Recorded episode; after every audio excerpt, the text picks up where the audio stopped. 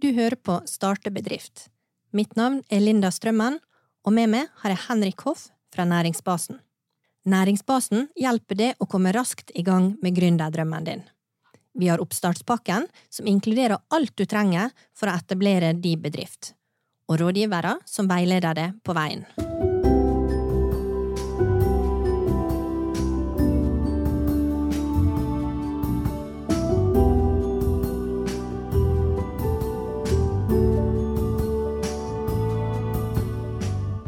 Gjesten i dag har gjennom familiebedrifter laga verdens beste ost. Reisa starta på skarve fem kvadratmeter, men har nå blitt et av de mest etterspurte ysterier i Norge. Nå er tida for å satse mer, men ikke bare på ost og turisme. Familie og yoga er vel så viktig. Dagens gjest er Kristin Vangen fra Tingvoll Ost. Du Kristin, hva er en god ost? En god ost for meg er en ost med en klokkeklar, ren smak som utmerker seg på noe vis, som du huser. Eh, det er jo litt sånn med ost som er måltid generelt, at det kan mest være en religiøs opplevelse hvis du, hvis du smaker noe ordentlig godt. Det største komplimentet vi har fått for vår ost, det er fra Arne Brimi. Han sier at osten vår smaker av mjøk, og det er jo det største komplimentet du kan få, for det, osten er jo laga av mjøk. Ja, bra. Det var et godt kompliment, ja. Um, hvordan oppsto Tingvollost? Kan du fortelle litt om liksom, veien fra melkebonde til merittert ysteri?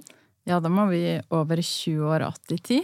Eh, da var pappa 50 år, og vi har et familieråd. Jeg fikk tilbud om å ta over gården da, eller vente til han var 62. Jeg syntes det var litt skummelt å skulle ta over drifta da. Så jeg sa at kanskje så kan jeg vente til du blir 62, men at vi kan prøve å lage arbeidsplass til begge generasjoner på gården. Og det var liksom bakteppet. Og så har vi ei idémyldring om hva skulle vi begynne med. Vi tar da om videreforedling av kjøtt, baking, frukt, bær, litt forskjellig. Så dukka det opp et ystekurs for viderekomne på Gangstad gardsysteri, dit hvor mamma er. Lærte oss lite grann, følte oss litt dum som for dit, for vi kunne absolutt ikke noe som helst om ost. Eh, men mamma syntes det var spennende, så hun og pappa meldte seg på et ukes ystekurs i Sverige. Og når hun kom hjem derifra, så var det slik ja, ost det kunne hun tenke seg å holde på med. Eh, så det var liksom bakteppet for det. Og så har lillesøstera mi et nyoppussa bad i kjelleren. Da var hun fjortis. I dag så har hun blitt ordfører i kommunen, så det sier litt om utvikling i tid siden den gang. Men uh, hun måtte ofre badet sitt. Det var flislagt og fint. Vi hyva ut do- og dusjkabinett. Sette inn et ystekar på 150 liter og en stålbenk vi arva fra sykehjemmet. Og der begynte vi å lage ost. Uh, det var 4,6 kvadratmeter stort. Det var så trangt inn der at når mamma jobba der i lag, så var det en gang jeg måtte sperre om og ga ut så jeg kunne snu meg 180 grader rundt. Eh, det var ja, egentlig litt rart at vi klarte å starte opp der, men vi laga faktisk ett tonn ost i året i de lokalene. Eh, men innså at der gikk det ikke an å vokse og tjene penger, så i 2006 så sto første byggetrinn ysteri klar. 180 kvadrat, og det var, ble en ny verden. Eh, den gang har vi allerede planlagt å bygge fjøs samtidig. For meg så var det viktig med en mjøkrobot og at dyra fikk ga fritt. Så når vi bygde ysteriet, så har vi allerede lagt ned strøm og vann og slik til fjøset. Skritta opp at vi har 60 meter borte elvekanten med tomt. Så fjøset sto ferdig i desember 08, og det var den jula mamma og pappa pynta juletre andre juledag. Så det er slik jul vi ikke glemmer. Så det har jo vært mye arbeid om det her, men jeg har litt trua på å begynne fra bunnen og bygges opp stand på stand. Det er liksom det som har vært vår oppskrift. Mm. Når jeg hører Tingvollost, så tenker jeg kraftkar med en gang. Hva rolle har liksom den spilt for dere? Den har jo gjort at uh, vi har blitt kjent, men òg at uh, Norge har blitt beregna som en ostenasjon. Det var liksom den tror jeg, som var med på å fikke opp øynene til folk på at i Norge så lager vi god, god ost, god kvalitetsost. Hvordan um, påvirker Dere fikk jo en utmerkelse som world champion og champion og champion med, med kraftkar. Um, jeg kan jo se for meg at det eksploderer litt. da. Hva det gjør med økonomien til, til selskapet? Um, det gjorde jo mye for oss, men samtidig så ble det jo en kjøletravel og hektisk hverdag. Vi um, Kraftkar skal jo modnes i minst uh, seks måneder. Det er jo en vellagra blåmuggost. Så der og da så klarte vi jo ikke å produsere noe mer. Og all uh, osten vår er laget av mjøk fra egen gard. Vi har vel 60 mjøkarkyr. Og de kan jo ikke begynne å produsere mer over natta. Så vi sto jo i litt sånn knipe, egentlig, med at alle ville smake på osten vår. Og vi har òg etterspørsel fra utlandet. Mm. Det kom jo to spanjoler flygende på besøk til oss og ville kjøpe egentlig mer enn årsproduksjonen vår, begge to. Så det var jo arbeidsomt og litt vanskelig, og det var jo ikke noen å spørre til råds, for det var jo ikke noen som har opplevd det samme her i Norge. Så, så, men det ga oss jo mange muligheter. Og i, det skjedde jo i november 6, da. Og i februar 19 så flytta vi inn i et ysterilokale som var over dobbelt så stort som det opprinnelige, så det var jo med på å gjøre at vi torde å utvide produksjonen. Kom det på en måte litt brått på dere, den uh, suksessen? Ja, det gjorde det. Vi har jo konkurrert siden 2011, og Grunnen til at vi begynte å konkurrere, det var at vi laga oss en visjon om at vi skulle lage håndverksost og internasjonal kvalitet. Og for å sjekke om vi klarte å oppfylle det, så begynte vi å sende inn ost til, til oste-VM. Eh, vi syntes jo det var egentlig å kaste bort pengene i begynnelsen, for det kosta 10 000 å frakte med jetpakke eh, til England. Og vi satt jo og sjekka på nett etterpå hvilket resultat vi har fått, men vi fikk gull først gangen vi var med. Eh, vi er ganske flinke å sende ut pressemeldinger, så vi fikk mye oppmerksomhet for det. Så, men vi har jo deltatt i seks år før vi ble world champion. Og det var jo et tilfelle at pappa var til stede der i San Sebastian. Han var styreleder i Norsk Arsost, og det var første gangen vi var til stede. Han satt i salen og ante fred og ingen fare, hardesov litt. Og så var det femte oster som var bedømt. Det er sekste oster i en superfinale. Eh, det var to spanske oster som leda. Og så plutselig kommer Kraftgard på skjermen og fikk høyest poengsum. Og ble kåra til world champion. Det var jo flere tusen oster som var med fra hele verden. Eh, totalt uventa. Så det endra jo livet vår. Det mm. gjorde jo det. Og pappa har jo litt sånn ut av kroppen-opplevelse. Han eh, seg opp og hendte i været og jubla et ordentlig seiersbrøl. Eh, det er jo BBC som arrangerer det her, så han fikk jo straks en sånn spot mot seg, og har jo mest lyst til å gjemme seg. Han gikk mest opp og klarte det, for han satt på en klappstol så han holdt på å få i gulvet. Og så var det opp på scenen, og han tok jo sånn mullaløft på programlederen, og det var stor stemning. Eh, og de som var med der, de sier at ta det, glemme dem aldri, for det var så ekte glede, da. Ja, hvor deilig. Ja. det jo, eh, må ha vært en fantastisk overraskelse og en enorm glede. Ja, det var det, og det er litt sånn uvirkelig fortsatt. Eh, det var For et par somre siden så var det jo en turist på tunet som jeg bare stoppa og høflighetssnakka med. Og det var en spansk bobilturist. Jeg lurte på hvordan han hadde det, og hva han skulle videre. Nei, Han var i Norge og hadde to mål. Han skulle besøke Tingolost, og så skulle han til Nordkapp. Ja, stas. Og det var sånn ah, shit, fikk litt sånn prestasjonsangst, for vi er jo bare en vanlig gard og en vanlig familie, men det er kanskje det mange setter pris på. Det å komme til oss, og så er det egentlig bare stilt, og fuglene og elva og det er sånne ting som vi tar for gitt, men som er spesielt for andre. Mm. Helt sikkert en unik opplevelse for han, som har huska for alltid. Det tror jeg. Mm, ja. Hvordan det er nå, da, i forhold til omsetninga? Hvor mye omsetter dere for?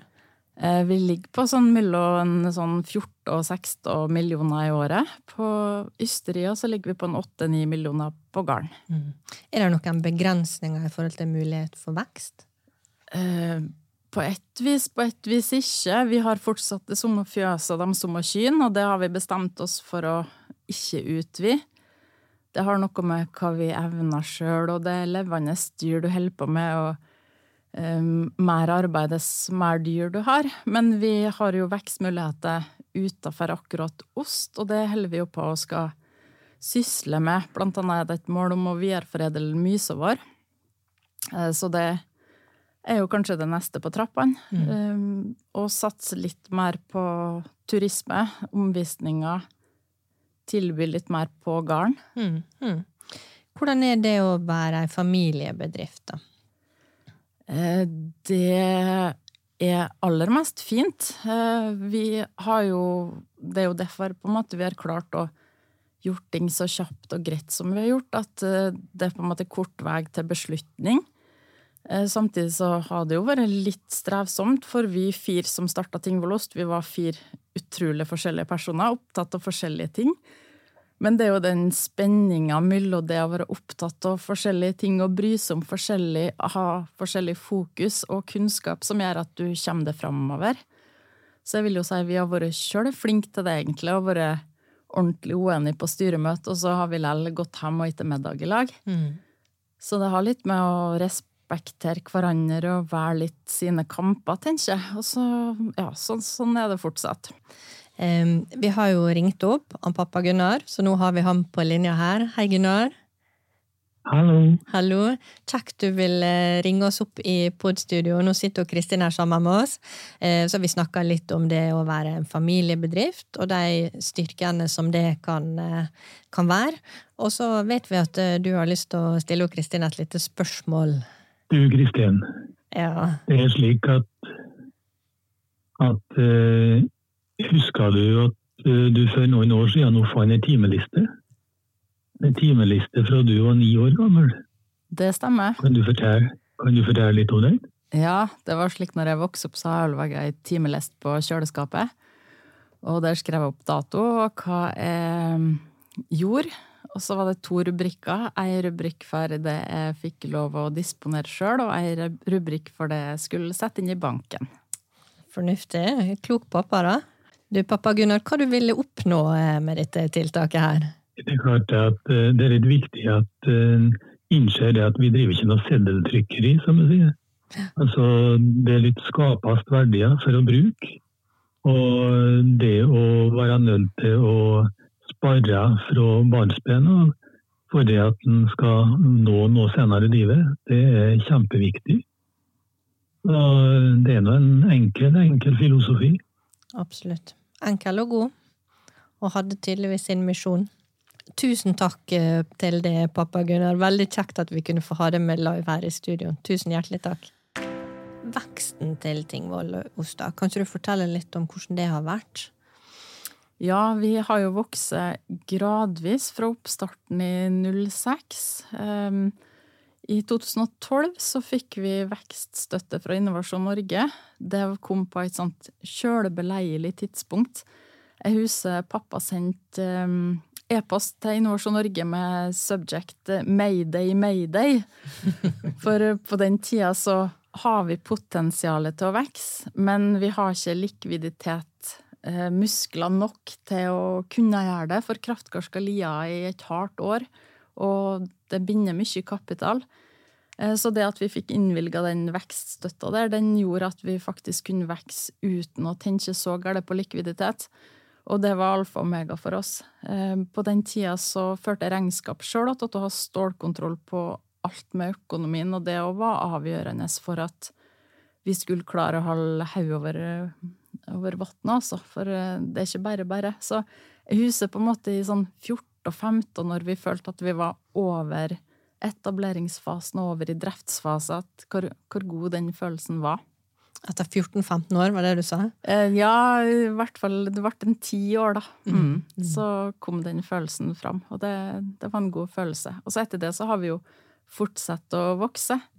Eh, vi har jo akkurat fått innvilga Vekst to støtte fra Innovasjon Norge. Superglad for at de fortsatt ville være med oss og ha trua på oss.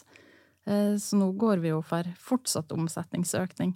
Og det er litt sånn skrekkblanda fryd, for vi vet jo alle hvor mye det krever til oss. For det kommer jo ikke til seg sjøl. Det er mye arbeid som òg skal til framover. Men vi er litt dårlige på å sitte stille og ikke komme på nye ting. Så da blir det slik. Så nå er det mye så blant annet vi skal prøve å videreforedle. Eh, sånn at det blir en større ressurs enn hva det er i dag. Eh, og så utvikler det tunet vi har, og kanskje et nytt produkt. Uh, utvikle gardsbutikken litt videre. Så litt sånn forskjellige ting vi skal vokse på, men summen tror vi blir bra. Bare ny Mayday, Mayday-overskrift på søknad to? Mest av det. Hvordan dere på en måte jobber med merkevaren eh, Tingvollost? Eh, det er ganske enkelt. Det er sånn navigasjon etter magefølelse. Eh, vi har valgt å gjort all jobben sjøl, all vei, i forhold til merkevarebygging. Og da vi starta, så fikk vi kjøleklare råd av et konsulentselskap som Innovasjon Norge hyra inn for oss, at det å bygge egen merkevare, det kunne vi bare glemme. Eh, hvis vi fikk avtale med Kje om å produsere MV-produkt, så skulle vi være kjøleglade. Eh, Likeens fikk vi jo beskjed om at eh, det var bare å glemme å ha gardsbutikk, for vi bodde så avsides at det var ikke noen som gadd å kjøre og besøke oss. Så vi er jo litt glad for at vi stola på oss sjøl og var sta og ikke her på andre, og det har vi vel egentlig fortsatt litt med etterpå. Så det er liksom eh, gjennom åra så har vi tenkt at vi sier ja til de kundene som vi kan stille opp på ei helside i Dagens Næringsliv og Dagbladet og slå oss på brystet og si at yes, jeg er stolt over å ha det som kunde. Eh, og resten sier vi på en måte nei til. Så det er litt slike ting vi har navigert etter. Og ja. Mm. Trigger det dere at de sier sånn 'dette går ikke', eller 'ikke gjør det slik'? Er det en trigger? Ja, du blir jo litt ekstra inspirert av å vise at uh, pokker heller, det her skal vi få til. Konkurransen da i ostemarkedet, hvordan er den? Uh, der er jo konkurransen slik at alle vi gardsysterier i Norge og Tine, det er jo importosten som er vår store konkurrent, egentlig. Uh, Lell om det har blitt over 130 80 gardsysteri i Norge, så er det fortsatt bare 0,31 av mjøsa som blir videreforedla eh, av gardsysteri. Så det er jo bare en bitte liten andel. Og det er jo importosten som gjør at jeg som mjøkprodusent ikke kan produsere mer mjøk enn jeg gjør òg. For altså, det er ikke at vi ikke skal importere noe, men vi importerer òg så mye industriost, altså på en måte i hermetegn liksom dårlig bulkost, da, som vi like gjerne kan lage noe bedre med norsk råvare. Eh, det er ikke det at vi skal slutte å importere stilton og manchego, men det er på en måte alt det andre, og all yoghurten som blir importert på utenlandsk mjøk. Så jeg skulle ønske at flere har kikka på hva som står attpå ting de kjøper, og opprinnelse. For egentlig det vi putter i handlekorga, er jo stemmeseddelen vår. Eh, hvilket firma heier vi på, hvilket landbruk vil vi ha, og slike ting. Så mm, jeg skulle ønska litt mer bevissthet rundt det, at det den handla det faktisk fører til noen konsekvenser. Er det vanskelig å få eh, forbrukeren til å, til å forstå det, eller å, å velge riktig? Ja, det handler jo om matkunnskap, eller mangel på matkunnskap. Eh, jeg er jo sjøl opptatt av det at eh, vi skal vite noe om maten. Og vi har jo så galt fokus på bellemat, og jeg synes jo det er en sånn snarvei til enten miljø, helse over sjøl eller dyra som på en måte ligger attom, da. Eh, så det er litt sånn paradoksalt at vi taler om at vi skal ha bellemat hele tida, samtidig som vi kaster enormt med mat, for eksempel av oss kaster 40 kilo mat i året. Um, det å snakke om mye miljø i forhold til kua 8% av uh, klimautslippene skyldes matsvinn, altså rett og slett mat som er kasta. Uh, har matsvinn vært et land, så er det bare Kina og USA som har hatt større utslipp enn hva matsvinn har. Så egentlig så er det to milliarder folk som kunne ha blitt født av den maten som verden kasta.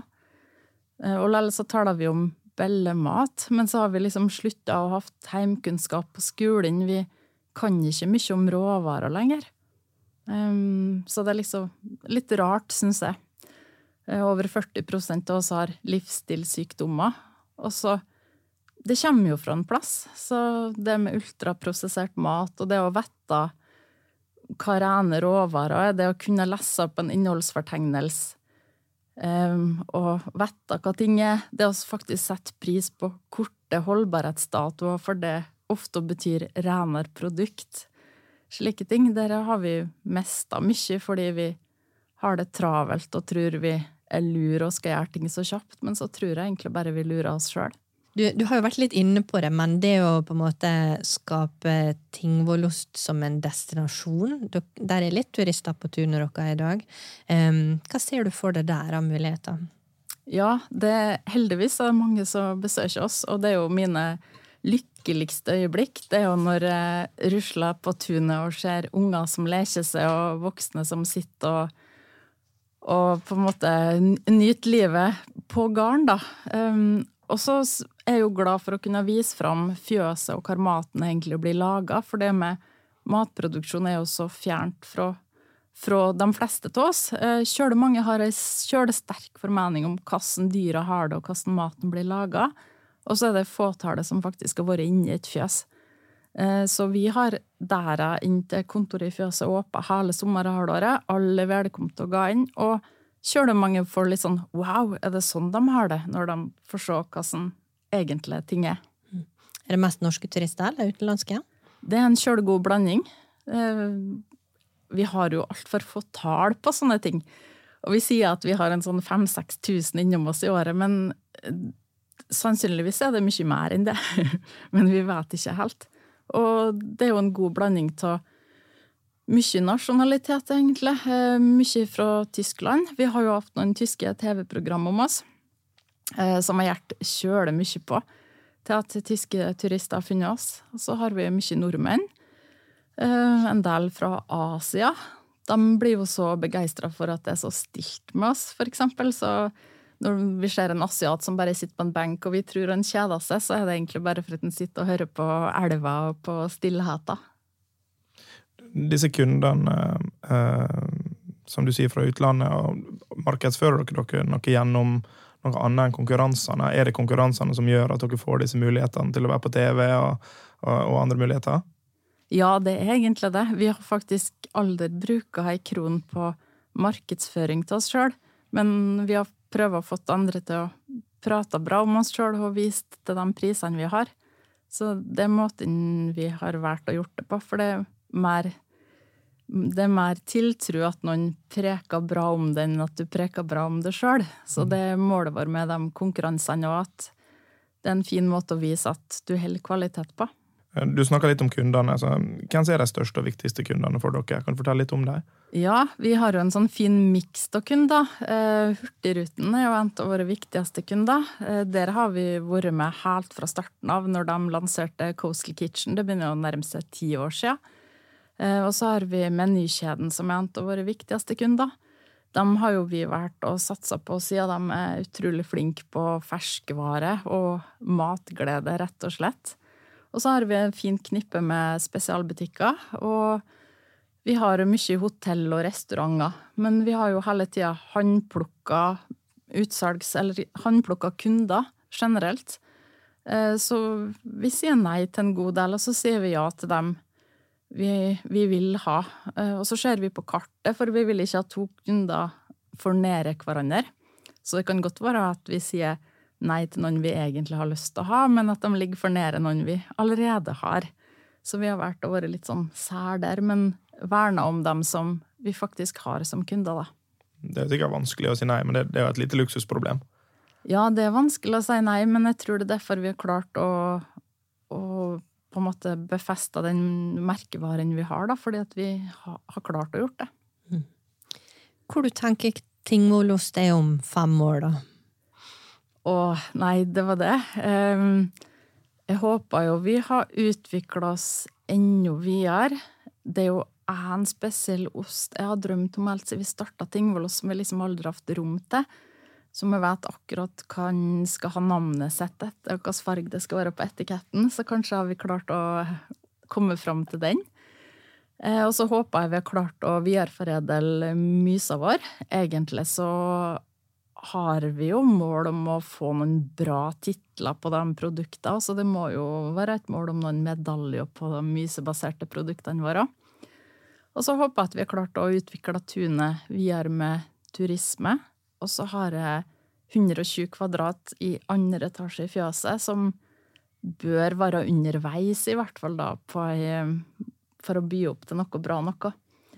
Vi har eh, allerede i 08 så laga vi spesiallaga glass mot fjorden og mot fjøset, men det har liksom ikke vært tida å innrede det for nå. Mm. Og det har litt med Jeg har unger som nå er 12 og 15, så de begynner jo å nærme seg litt sånn voksen, men det er sånn prioritering med alt til sin tid. Så har jeg prøvd å sagt at ok, Kristin, det her det finner du igjen senere, og så er det liksom det å være mamma og ha det fokuset akkurat nå, for de blir fort nok store. Mm. Tror du de vil gå i dine fotspor? Det er jammen ikke godt å si. De er jo litt sånn miljøskadd for eh, det med å være gründer og bonde, og for så vidt det er jo en livsstil. Så det er jo De kan jo mye om ting som kanskje vanligvis ikke blir diskutert rundt middagsbordet. Um, de har ikke noe press på seg. Og så innser jeg jo at dess mer vi skaper og utvikler oss, dess vanskeligere blir det jo faktisk å overta. Så det er ikke bare bare det heller. Så de får vitsen at de, de, er lykkelige på sine valg, og så ordner ikke hva det blir, tenker jeg. Mm. Vi bruker å spørre liksom, hvor er bedriften om fem år, og så spør vi gjerne hvor er du om fem år. Jeg føler her er svaret vevd inn i ett. Du og bedriften er ett, eller? Ja, det er jo faktisk uh, mye slik. Uh, men så er det litt godt å bare være Kristin innimellom. Uh, og det prøver jeg å sette av bitte litt tid til. for meg så er ja, musikk er viktig. for et par år siden så tok jeg faktisk yogainstruktørutdannelse. Og det har litt med den der hamsterhjula hamsterhjulet å gjøre, fordi det var fokus på kroniske muskelspenninger og nervesystemet vårt, og det tenker jeg at er superviktig å kunne mer om for å forebygge at en sjøl skal havne i det at en blir sjuk av sånne ting, da. For det er noe med avspenning og det å lære seg å puste, rett og slett. Så for meg så var det en sånn eh, forebyggende helsearbeid å bli yogainstruktør. Mm. Kult. Stille tiltakt. Mm. Du, Kristin, tusen, tusen hjertelig takk for at eh, du ville være her i studio med oss. Det var utrolig kjekt å ha deg på besøk. Tusen takk. Ja, Henrik, der gikk og Kristin ble veldig inspirert av å høre på. Eh? eh fascinerende dame. Um, hva tenker du, hvis vi skal oppsummere litt, hva som er de viktigste faktorene, suksessfaktorene til Tingvoll Ost? Det er ganske mange. Uh, hvis vi skal trekke ut tre viktige, så ville jeg tatt ut det at eh, de har bygd stein på stein. Uh, som du sa, så har de brukt ti år da, fra de har gått fra oppstartsfasen og, og over i drift. Så de har, de har, brukt mange år på å ta riktige avgjørelser. Mm, absolutt. Og så føler jeg kanskje at uh, de har en klar filosofi. Ja, de har vært tro mot den hele veien. Det har gjort at det de har turt å si nei til potensielle kunder fordi de har lyst til å bevare sitt eksklusive merke, men samtidig så har det også gjort at de kan eh, bevare den lojaliteten de har fra de kundene de har valgt seg ut av. Mm, ja. Og så er jo definitivt et arbeidsjern. Ja, det viser seg at hardt arbeid lønner seg. Um, du må ofre en del, men, uh, men, det virker som hun er, er, glad i å jobbe hardt og, og, og legge ned den innsatsen som trenger for at det skal lykkes. Mm. Hele familien. Hun har jo fått det inn med morsmelka ja, det er helt fra han, eh, pappa Gunnar. Ja, absolutt.